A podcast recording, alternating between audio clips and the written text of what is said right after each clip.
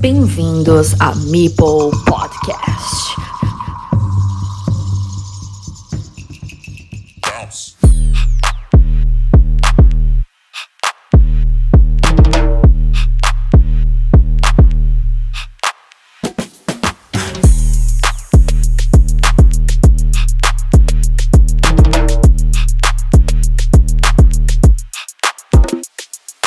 Muy buenas y bienvenidos a otro resumen del Mundial por equipos de Carcassonne en este 2023. Nos queda una jornada para finalizar la fase de grupos y aunque no están decididas las posiciones finales en su mayoría, sí que están definidas las selecciones que prácticamente tienen asegurado su pase a la siguiente fase. Empezamos por España en el grupo B que salió con su primera derrota ante China por 3 a 2. De este modo, el liderato lo detenta el combinado asiático en estos momentos. Para recuperarlo debemos ganar y ellos perder o ganar por un duelo más que ellos, y seguramente haya diferencia de partidas ganadas y perdidas que daría a nuestro favor. Ucrania es nuestro rival, y es muy difícil que consiga llegar a la tercera plaza, porque para ello tendría que perder Letonia de manera contundente, ya que son cuatro duelos de diferencia entre los ucranianos y los letones, prácticamente insalvable.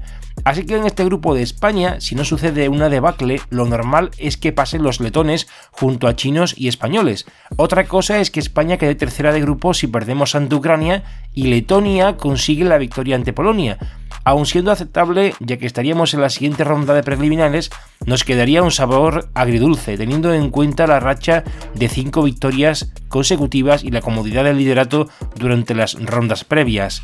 Ya seamos segundos o terceros, nos queda un duro rival por delante en esa ronda preliminar, porque nos enfrentaríamos al segundo o tercero del grupo C, que son o bien Taiwán o bien Brasil, que como vaticiné la semana anterior, Taiwán estaba a la espera de hacer un duelo de muchas victorias para conseguir alzarse con la segunda posición, ya que se frotaba las manos ante el duelo entre RCP y Brasil, y quien le venía mejor que perdiera, para sus intereses, era Brasil obviamente, que tiene una menor diferencia entre victorias y derrotas, y así ha sido.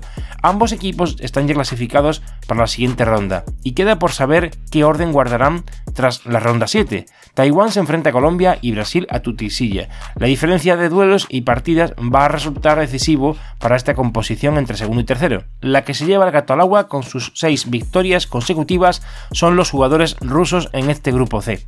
Y en el caso de que España se proclamara campeona de grupo, el enfrentamiento sería ya en cuartos y nos saltaríamos la ronda preliminar. El cruce de cuartos vendría definido por el ganador del duelo entre el segundo del grupo D y el tercero del grupo A. En el grupo D tenemos a Portugal que ya es campeona y luego están Argentina y Francia e incluso Chile si pierden Francia o incluso Argentina, que aunque lleva ventaja resulta que se enfrenta a la potente selección portuguesa, lo que en un resultado muy negativo podrían dar al traste con sus aspiraciones. En el grupo A, Rumanía va líder indiscutible, pero puede ser arrastrada por Alemania si gana con más duelos a Japón que Rumanía a México. Quedamos por descontado que ambas van a ganar, pero ambas selecciones tienen asegurado los dos primeros puestos ya que aunque Japón ganara por 10 a 0, 5 a 0 en duelos, en este caso Alemania solo igualaría los duelos a Alemania, pero aún quedarían dos partidas por debajo de Alemania, por lo que la relevancia de este grupo es conocer quién consigue quedar primer clasificado, todas las papeletas para Rumanía, y quién es tercero, ya que si Japón pierde, la República Checa va a ocupar su lugar si gana.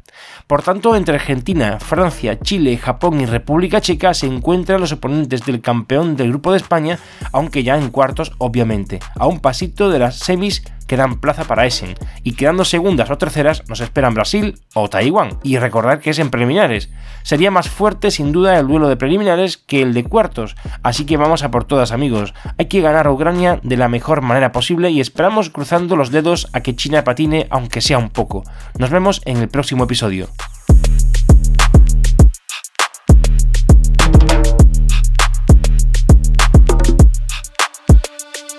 It.